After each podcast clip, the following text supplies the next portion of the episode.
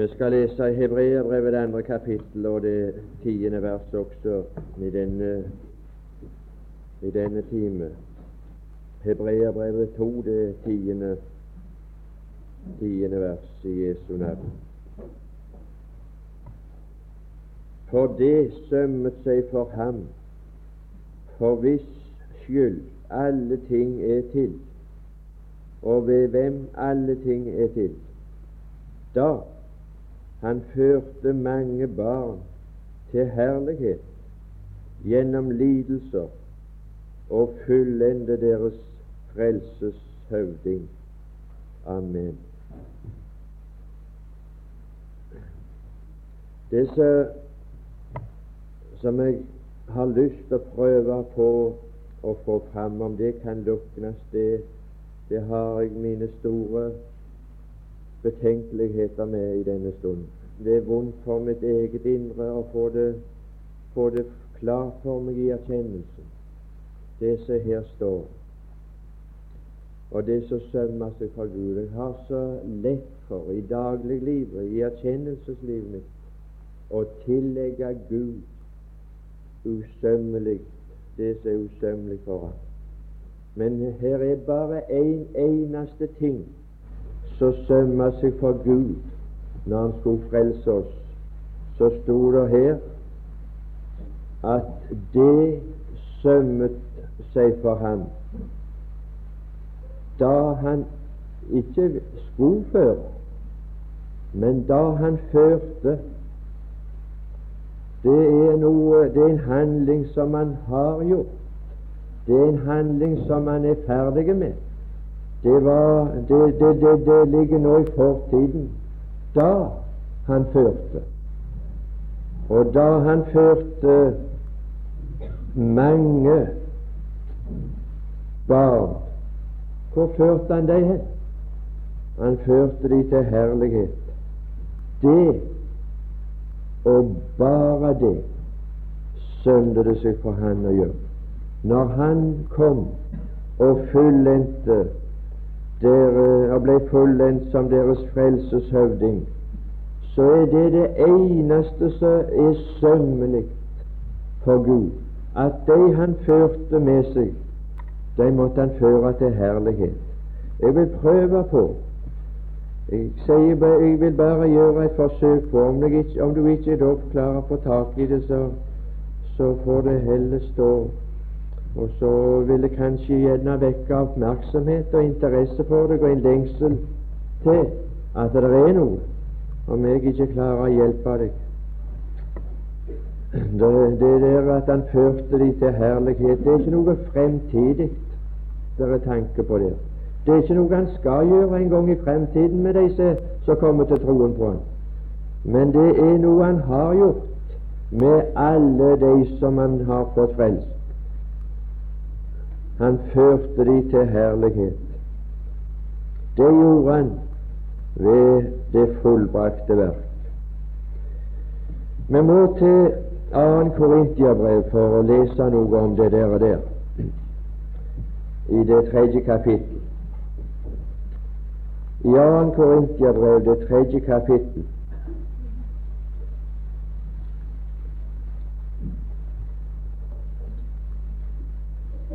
så har vi der i det åttende vers, og det går jeg ut ifra at det er noe som er gjenstand for under disse samvær, under alt vårt liv, men ikke minst under disse samvær så, så får vi gjøre en erfaring av at det er, det er flere som er i tjeneste enn mennesker.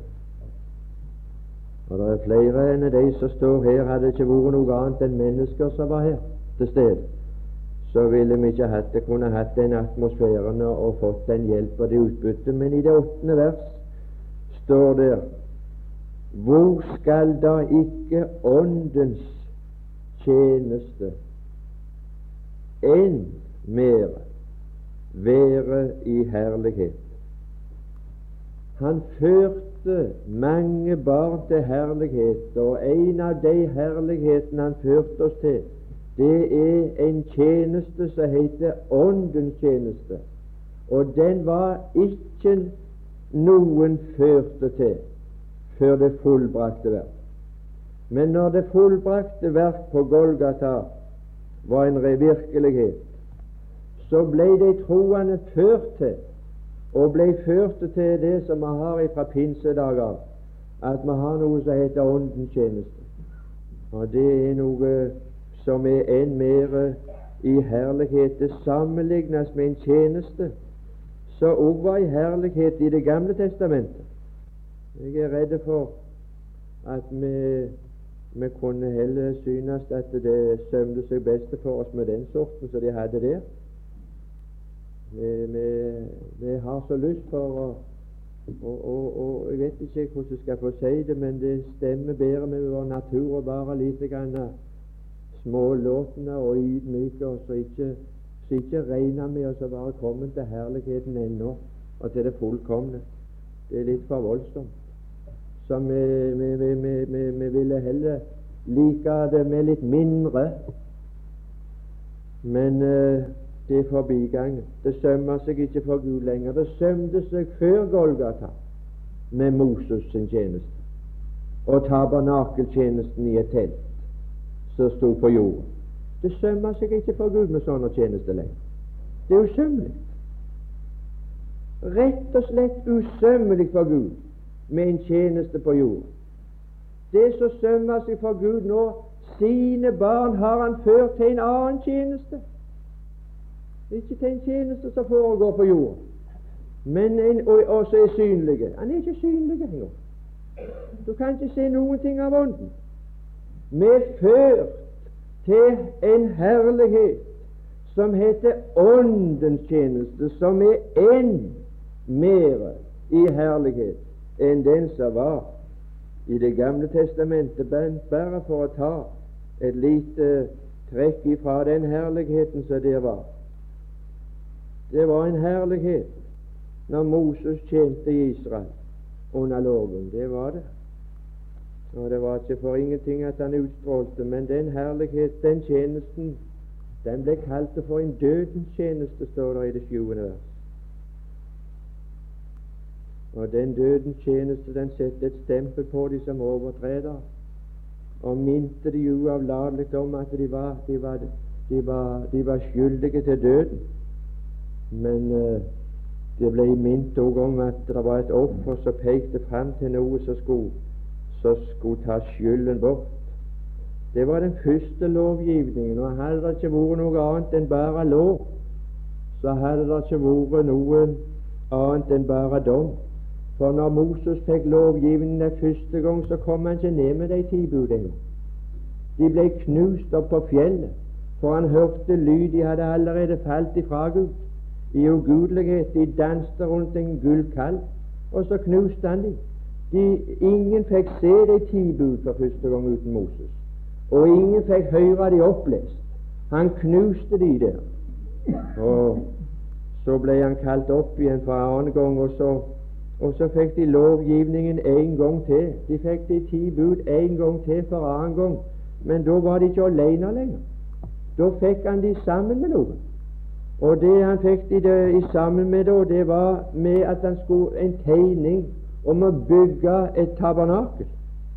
Og så fikk han en, en, orientering av Gud og en beskjed om å, sette i gang en jordiske prestetjeneste i det tabernakelet.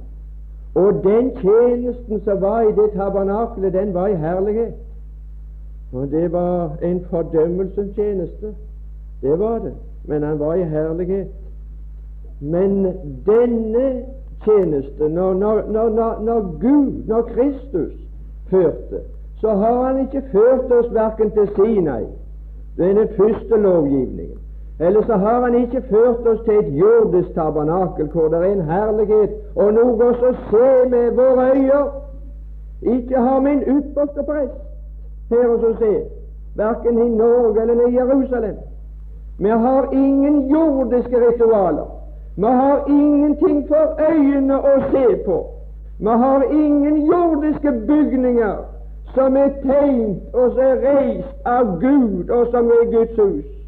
Dette bedehuset vi samler i, til like med alle andre, det er ikke Guds hus på den måten som, som tabernakelet og tempelet var. Det, det, Det tjener oss bare til å ha tak over hodet når vi kommer sammen og, og kunne få høre Guds ord i stillhet og i fred.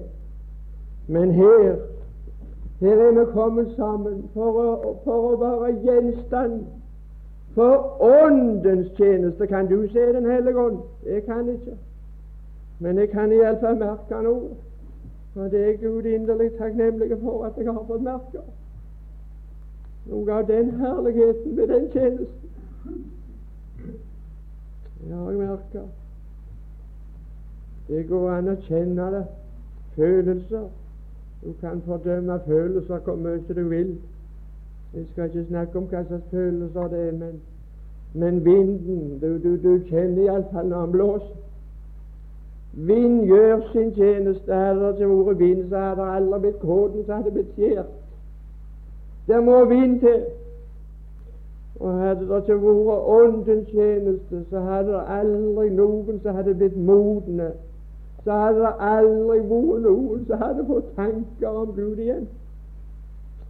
Og, og hadde det ikke vært noe som heter Åndens tjeneste for de som ble frelst, og lot seg frelse, så hadde iallfall jeg lot meg tjent av ja, hva skal jeg si av både fjernsyn og radio og aviser og alt det som denne verden kan vise meg. Hadde ikke kunnet hatt noe annet. Men her, her er det noe som er herlighet. Han har ført oss til herligheten. Det er ikke noe fremtidig. Vi har det allerede her. Vi kjenner det, og vi merker det, at det er noe som heter Åndens tjeneste. Jeg vet ikke hva det er. Jeg kan ikke få det bedre fram. Jeg kan ikke, jeg kan ikke hjelpe det. Jeg skulle, jeg skulle så mer enn gjerne altså sagt og, og fått uttrykt det på en annen måte hvis jeg kunne, men jeg kan ikke. Jeg får bare prøve å påkalle oppmerksomheten for det. At det er noe som heter Åndens tjeneste, og den er herlighet. Der står noe i ellevte vers du og du.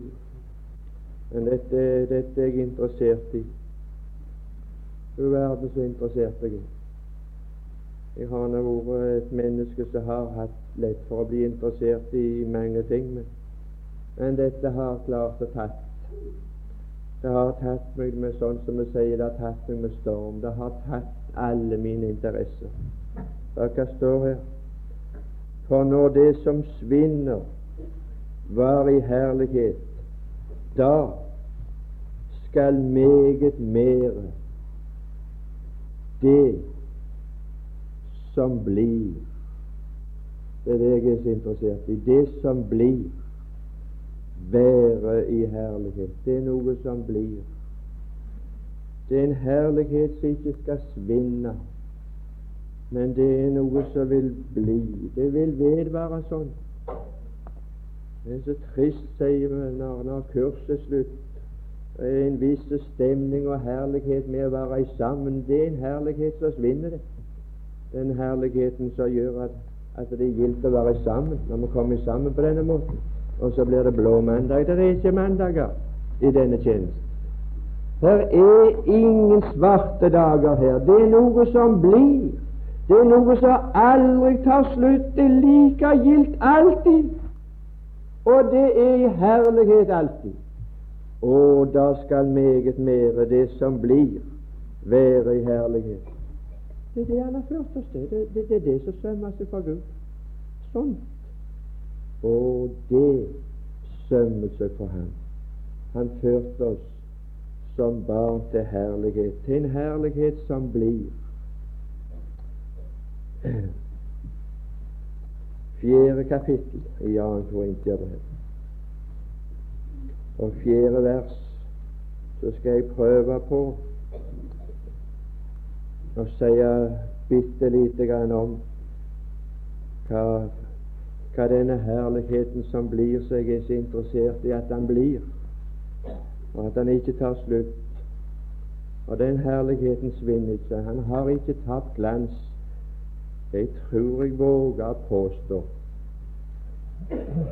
Det tror jeg jeg våger påstå. At det eneste forandringen måtte ha merka i så måte, det må ha vært med meg så at jeg, synes at glansen den blir sterkere med årene. Det er det eneste jeg kan tenke på. Nå skal du høre. Der står i det fjerde kapittel og det sjette vers For Gud som bød at lys skulle skinne frem av mørket, han er den som også har latt det skinne i våre hjerter, for at kunnskapen om Guds herlighet i Jesu Kristi åsyn der, der har han ført oss til. Han har ført oss til herligheten med den som er i Kristi åsyn. Har du fått sett den? Den herlighet som er i Kristi åsyn. I Jesu Kristi åsyn. Jeg vet ikke du at det var noe med Moses at han måtte legge et dekke for åsynet sitt, så at de ikke kunne se på han, for han strålte ut. Men Kristus, der er det ikke noe dekke. Så han legger Der er noe som stråler ut, og jeg skal prøve å si det. Det var noe som gjorde at Moses måtte legge dekket. Jeg skal ikke prøve å forklare det. Men jeg vil fortelle deg hvorfor det ikke er dekke ved Jesu Kristi åsyn nå lenger, så at det der stråler der ut herlighet. Og det er det at han nå, etter at han har fullendt deres lidelser, så kan han være nådige. Og det nåde jeg ser i det åsyn. Og det er det som herlighet for meg. Og så blir det det er en herlighet som blir. Og når han førte meg, det sømte seg for han. Når han skulle føre noen til herlighet, så sømte seg han å føre det til en herlighet som blir. Og de som, de som måtte være de som begynte her, de som måtte være her som er nye, de som er så redde for at de ikke skal holde ut. Jeg kan fortelle deg om at han, hvis du får øye på han og hans åsyn, så skal du få se noe i hans åsyn som blir. Han har lagt et grunnlag så han kan være nådig. Han kan bære over med oss. Han kan holde ut. Han kan være god med oss. Og ingen kan kritisere ham. Er det rett å være god med en annen? Ja, det er det eneste som er rett for Gud på grunn av det fullbrakte verk. For han har fullendt våre lidelser. Våre piner har han båret. Så det er bare det som sømmer seg for ham. Det er bare herlighet. Det er bare nåde. Og første gang var det bare lov. Det var bare ti bud. Gjør det, så skal du leve. Ingen annen ting. Hvis de brøt de, så skal du dø. Og når eh, de brøt de, så, så brøt Guds vrede inn i leiren, og 3000 mann ble drept. Og så, så, så grep Moses inn i bønn og forbønn for sitt folk. Og så ofra han, og så stanset Guds gjensøkelse. Og så ble han kalt opp på fjellet. Og så fikk han de ti bud igjen. Men den gangen så var det ikke bare lov, rene lov, men da var det noe som het lov sammen med nåde. Lov og nåde. Hvis du nå overtreder Jeg regner med at de kommer til å overtrede. Men hvis de nå overtreder, så kan de gå til presten med et offer. Det skal være en offertjeneste i tabernaklet som skal være til, til soning for overtredere. Men vi har ikke vi har ikke en periode med, med lov og nåde. Så når jeg overtreder, så kan jeg gå og så be Han gjøre et offer for meg. Så skal jeg få nåde igjen og forlatelse.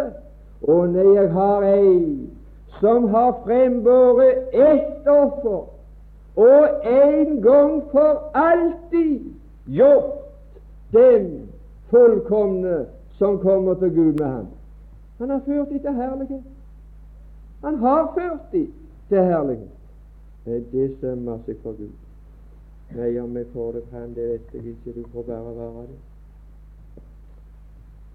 Den nye pakt, den utstråler bare herlighet. Den utstråler Guds herlighet. Og den, eh, den nye pakt har bare én tjeneste. Og den er ikke på jord. Vi har ikke noen gudstjeneste her. Det er ingen tjeneste her. Det er usømmelig med en tjeneste av mennesker som skal gjøre noe for Gud her. Det er en fornektelse av at det var nok, det som Jesus gjorde. Det er bare noe som sømmer seg for oss, som jeg skal prøve på å komme inn på hvis jeg får lov å være med til slutt. Det vet jeg ingenting om. Jeg har lært Han har iallfall begynt å lære å telle dagene. Ikke årene. Lær å telle mine dager. Så skal du få visdom i hjertet. Benytt dagen. Så vi regner alltid med at vi kan gjøre noe en annen gang. Det du ikke kan gjøre i dag, det er ikke sikkert du får gjøre. Det er slett ikke sikkert. Det er mange som har folka som hadde tenkt å gjøre noe i sommer. Hadde planlagt det. Det ble aldri gjort. De er ikke her lenger. Det er ikke.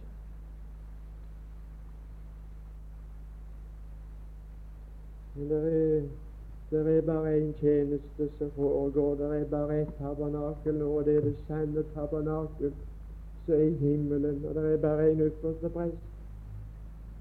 Og han har ført oss til herlighet. Vi som skuer Jeg lurer på hva du skuer. Jeg lurer på hva du har fått øye på. Jeg lurer på hvor Gud har festet ditt blikk henne i kristendom og gudstjeneste. Og vi som skuer Kristi herlighet med utildekket åsyn.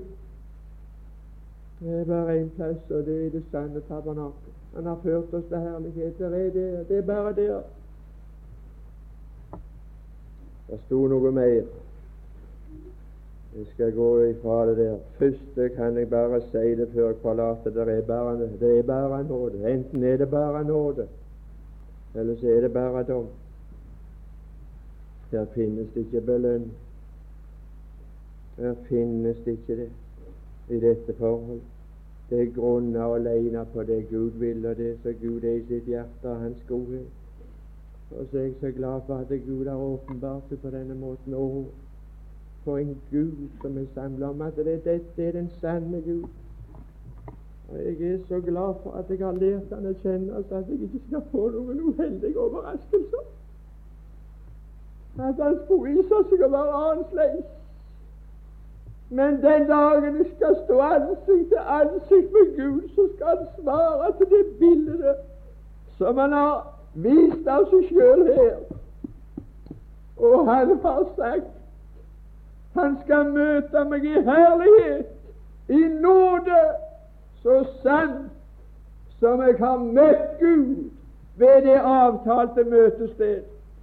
For det er ingen anledning å komme i forbindelse med Gud i denne tid på noen andre plasser enn der Gud vil. Gud har avtalt faste møtesteder.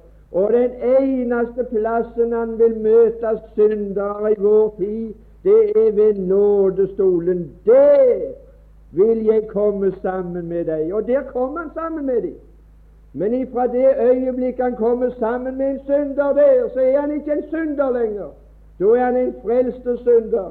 Og så er han barn, som vi har fått hørt så vidunderlig om i timen som er foran.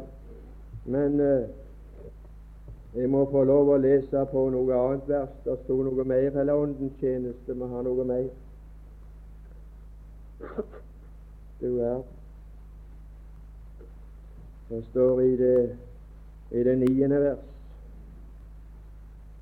For dersom fordømmelsen tjeneste er herlighet, da er rettferdighetens tjeneste ennå langt mer rik på herlighet. Du store mirakel, det er sånt at det er ikke det er ikke grunn til Det er ikke meste evner til å snakke om. Den gamle pakt, den krevde rettferdighet. Men nå, vi, nå, nå, nå, er rettferdigheten stilt til disponibel, og så er til tjeneste. Kan du få tak i noe, eller går det ganske forbi? Den nye pakt, den krever ikke rettferdighet, men den tjener oss rettferdighetens tjeneste. Den stilles til disponibel til oss, og så skal du høre det der forunderlige ord. Det er, den som rettferdiggjør oss. og det er det sværeste. Det er litt av en tjeneste. Det er det underlig da at han kommer videre i det tiende verset og sier at det herlige som var Eller for det herlige har i dette stykket ingen herlighet mot hin overvettes rike herlighet. At rettferdigheten rettferdiggjøres. det er en rettferdighetens tjeneste som går ut på å rettferdiggjøre ugudelig. Det sømmer det seg for Gud. Jeg skal si han gjør det på sømmelig vis. Det er rettferdighet som stilles til disponibel for oss til å rettferdiggjøre oss. Jeg kan ikke si noe mer om det. Det er ganske mulig. Det, det er noe som gjør altså at jeg har sagt og kommer til å si at det, det er bare så vidt en kan driste seg til i det hele tatt. Og så stille seg fram. Det, det minker med tålmodigheten for, for hvert år og for hver dag. Det, det gjør det. Vet du hva det står i fjerde kapittel av første vers? Og Da kan du kontrollere Men Det er ingen som kan drive skuespill på talerstolen. Det er ingen som kan så kan, så kan jukse der. Nei, der kan jeg ikke gi meg ut for å være noe bedre enn det jeg er. Vet du hva det står? Derfor, da vi har denne tjeneste, den store makt, denne tjeneste som var det vi skulle ha, ha del i føre de til herlighet. Forkynne om Guds visdom, om Guds råd, om det som ble fullendt, om det som ble fullbrakt. Det er denne tjeneste vi har, og skulle få mennesker til tro på og til å legge seg til hvile på. Du verden, er det denne tjeneste jeg har?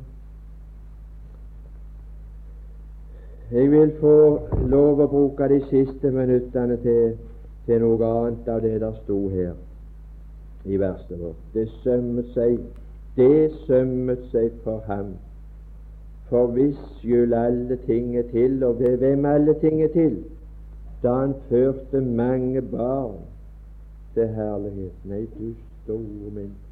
Det hadde ikke sømt seg for Gud å føre syndere til herlighet.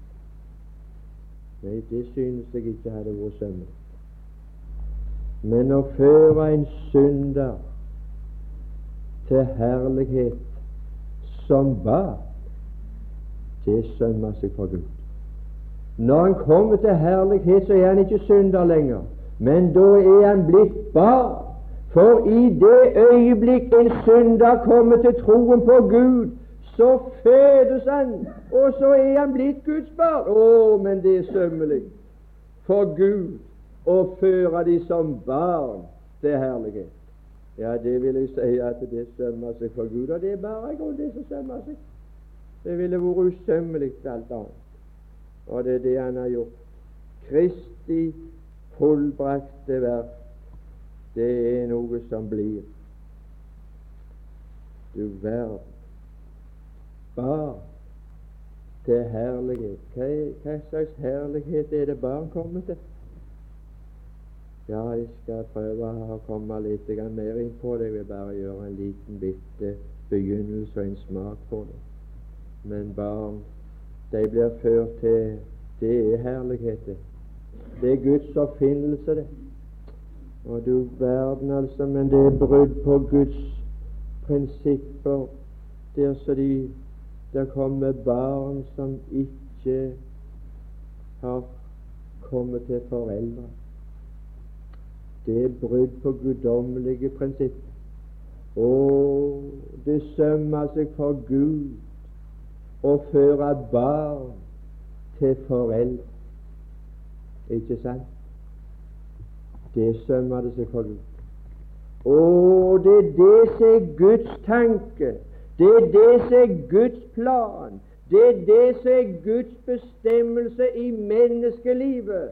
At når det skal settes barn til verden, så skal de barna ha det privilegiet at de skal komme til herlighet. De skal komme til far og til mor. Det er Guds prinsipp, og det er Guds plan. Og det er et bilde som man har. Å, den det er sømmelig. Men jeg skal si det er noe som sømmer seg for Gud når han, når han frelser en synder. Og fører han som barn, så fører han det som barn til herlighet. Det kommer, det kommer til far, og det kommer til mor. Vi skal komme inn på det mer. Men du verden hvor overvettes rik på herlighet dette er. Ja, det overvettes. Det er altså så overvettes at jeg kan ikke få gi uttrykk for det. Du kan uh, sammen skulle komme i hu motsetningene her. Kom i hu hva du var. Friheten som kom i plassen for trelldom. Hva er det som kom i plassen for, for, for frykt? Det står noe her i Hebreabrevet, det andre kapittel og 15. vers. Frykt det er noen som levde i frykt. Han utfridde de, han førte de ut ifra frykt. Det sømmer seg for Gud å føre folk ut ifra frykt. Og utfri alle dem som av frykt for døden var i trelldom i sin levetid. Det sømmer seg for Gud og føre de ut ifra frykt, ifra trelldom, ifra frykt for døden det sømmer seg for Gud, og så fører deg ut ifra det. Og så fører deg inn. Og der er, der er en overvettes herlighet som har fridd meg ifra det, det er bevisstheten og sannheten om at en er barn av Gud. Det er en sannhet som for første gang blir gjort kjent etter Golgata etter at det var noe som hadde lytt på Golgata som het at nå er det fullbrakt. Det var Kristus som førte mange barn til herlighet. Det var ingen som var kommet til den herligheten før oppstandelsen. Det var etter hans oppstandelse. Den første som fikk høre det, det var kvinnen der utenfor graven. Maria som gråt, så sa Jesus, gå og si til mine Og hadde han fått noen som han ikke hadde hatt før. Gå og si til mine brødre. Det hadde han aldri sagt før. For han hadde før sagt at han var et enbåren sønn hos sin far. Men etter sin død og etter sin oppstandelse så førte han alle de troende til samme stilling hos Gud. Så nå er han den førstefødte blant mange brødre. Han har ført oss til herlighet.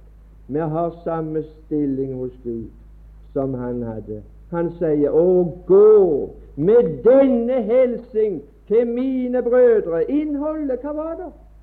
Gå og si til mine brødre, 'Jeg farer opp til min Gud og deres og eders Gud. Og min Fader, ja, det var det ingen som hadde tvilt på. Det hadde de hørt ifra ifra han var ganske liten, at når han kalte Gud ved navn, så sa han Fader. Abba, Fader. Han var den eneste før Golgata som kunne si Abba, Fader. Men gå nå, etter det er fullbrakt. Nå har jeg ført mange til denne herlighet, så nå er det flere som kan si det. Gå og si jeg går til min Fader og eders Fader. Å, denne herlighet hadde vi ikke i Det gamle testamentet. Denne herlighet er medført til å leve etter det fullbrakte verk. Det er ikke noe som skal komme inn i i himmelen. Det var en herlighet som Han har ført oss til her. Det er et privilegium som jeg og du bør nyte frukten av og goden av i dagliglivet. Du verden, men det er noe å være å være barn av Gud, den evige Fader. Hva var grunnlaget for at han kunne si det? At nå er vi jo barn, det skal tro til dette. Jeg har ingen følelse av å være Guds barn. Jeg skal si jeg har det stikk motsatt. Og erfaringene det er heller ikke overensstemmende. Jeg erfarer meg ikke som et Guds barn erfaringene som jeg høstet om dagen. Det, det er det som hopepaller som skulle vitne om at det, det, det, er bare bedrag med deg av. Du er toppen av en selvbedrag. Så er du en toppen av en frekkas til en fyr som våger seg å stille seg fram for andre. Skal si det, det er bare én ting. Det er bare en eneste ting det er spørsmål om. Om å være barn av Gud. Hvem var det? Dem som tror på Hans navn. De er født av Gud. De er Guds barn. De som tok imot ham. Alle de som tok imot ham. De som tror, ikke de som føler. Ikke de som erfarer. Nei, ikke de som får det godt til. Nei, dem som tror på Hans navn. Det er snart et under. Jeg vil si at det er et under.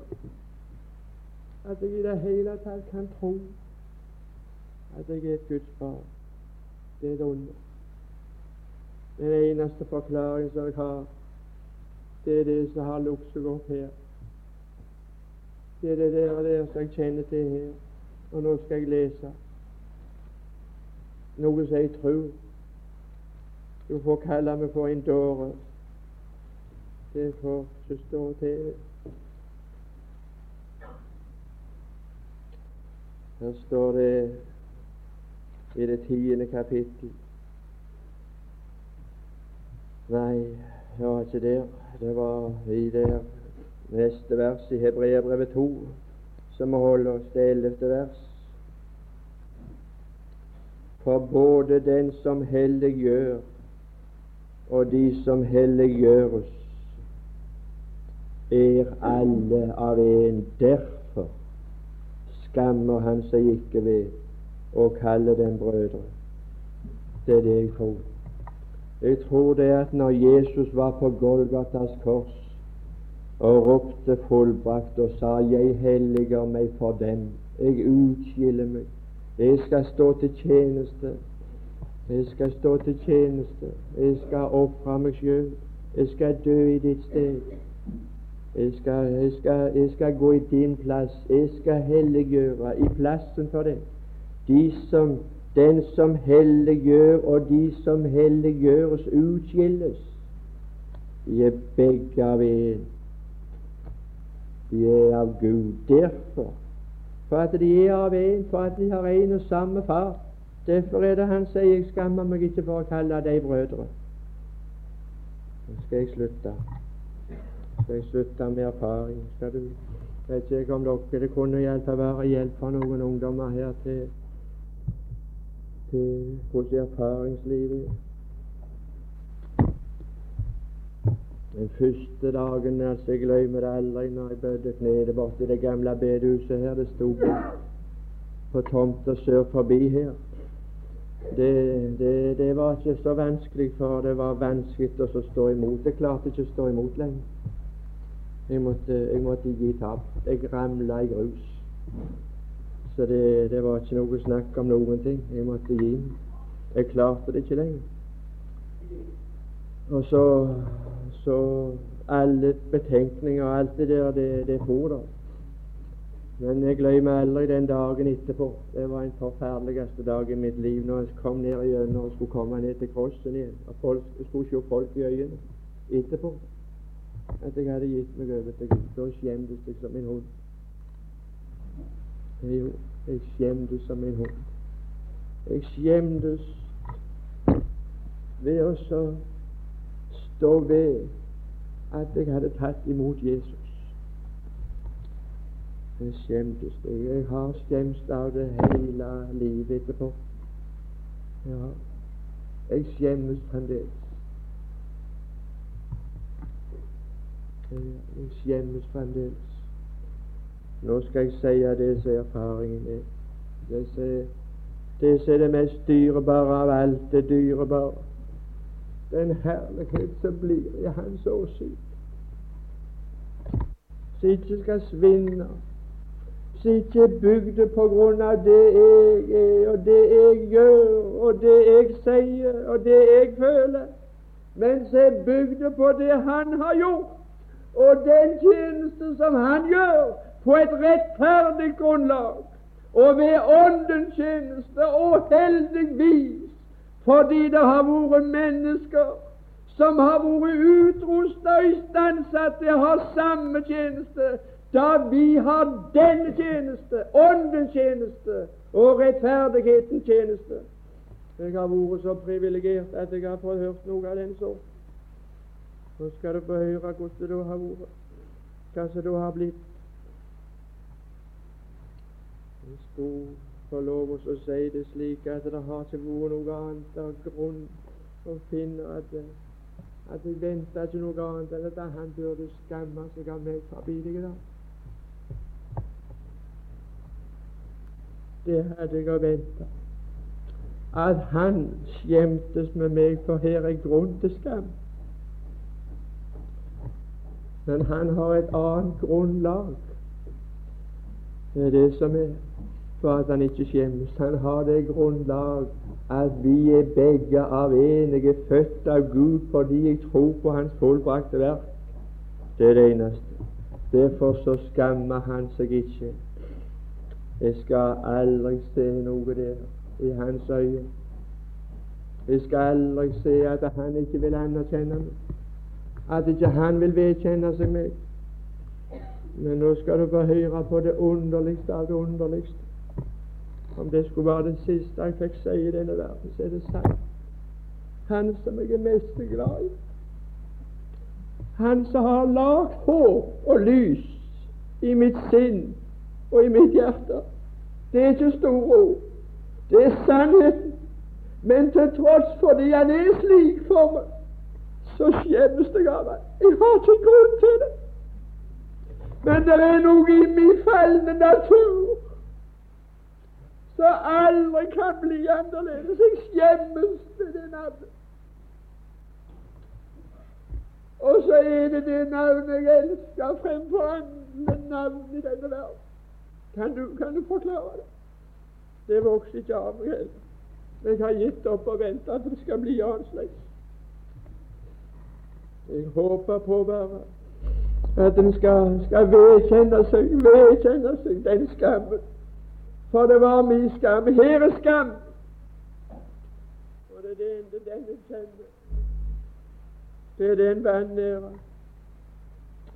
Å, men han har ført oss til herlighet. Det, det er noe som blir. Det er en overvettes rik herlighet. Og jeg skal slippe hos Gud å skjemmes. Det er den eneste plassen jeg ikke skjemmes. Du ta den med deg?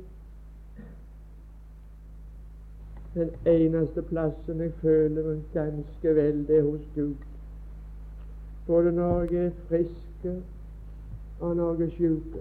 ganske vel. Hos Jesus der trives Der trives min sjel så usigelig vel. For jeg er Ja, det gjør båndene òg. De trives. Det heldigvis at båtene våre trives best hos oss, sier foreldrene. Det var noe spinngale hvis båtene våre trives bedre hos andre folk. Og Guds båten de trives best hos foreldrene. Hos Jesus, der trives min sjel så usigelig vel. Herre Jesus, å, men det er vanskelig da å få vårt sinn og vår tanke festa på deg, og få oss tillitsfulle til tro og hvile. med så senhjertede til å tro. Med så senhjertede til å legge oss ned og hvile. Herre Jesus, At noen her får kjenne sødmen av å legge seg som barn til mors bryst, som en mor var for dem og som en far som forbarmer seg over sine barn. La de få lov å kjenne det, alle de som er dine her, at de er kommet til herlighet. De er ikke satt foreldreløse inn i denne verden. De er ikke satt til å stelle seg sjøl, men du har tatt omsorgen for oss. Vi takker deg for det. Om vi ikke har så stor evne til å se det og erkjenne det, så vil vi takke det for at det er sånn. Så skal vi se det annerledes snart en dag. Velsign dagen fortsatt til ære, til vekkelse, til, til lengsel og dragelse på nye. Takk for de som kom i går og i natt. Og måtte det bli mange i denne dagen før denne dagens slutt. Du vet det er ennå begravelse som skal være. Folk skal komme inn, ufrelste komme inn under din åndstjenende gjerning. Måtte det virke. Vi ber i ditt dyrebare navn. Amen.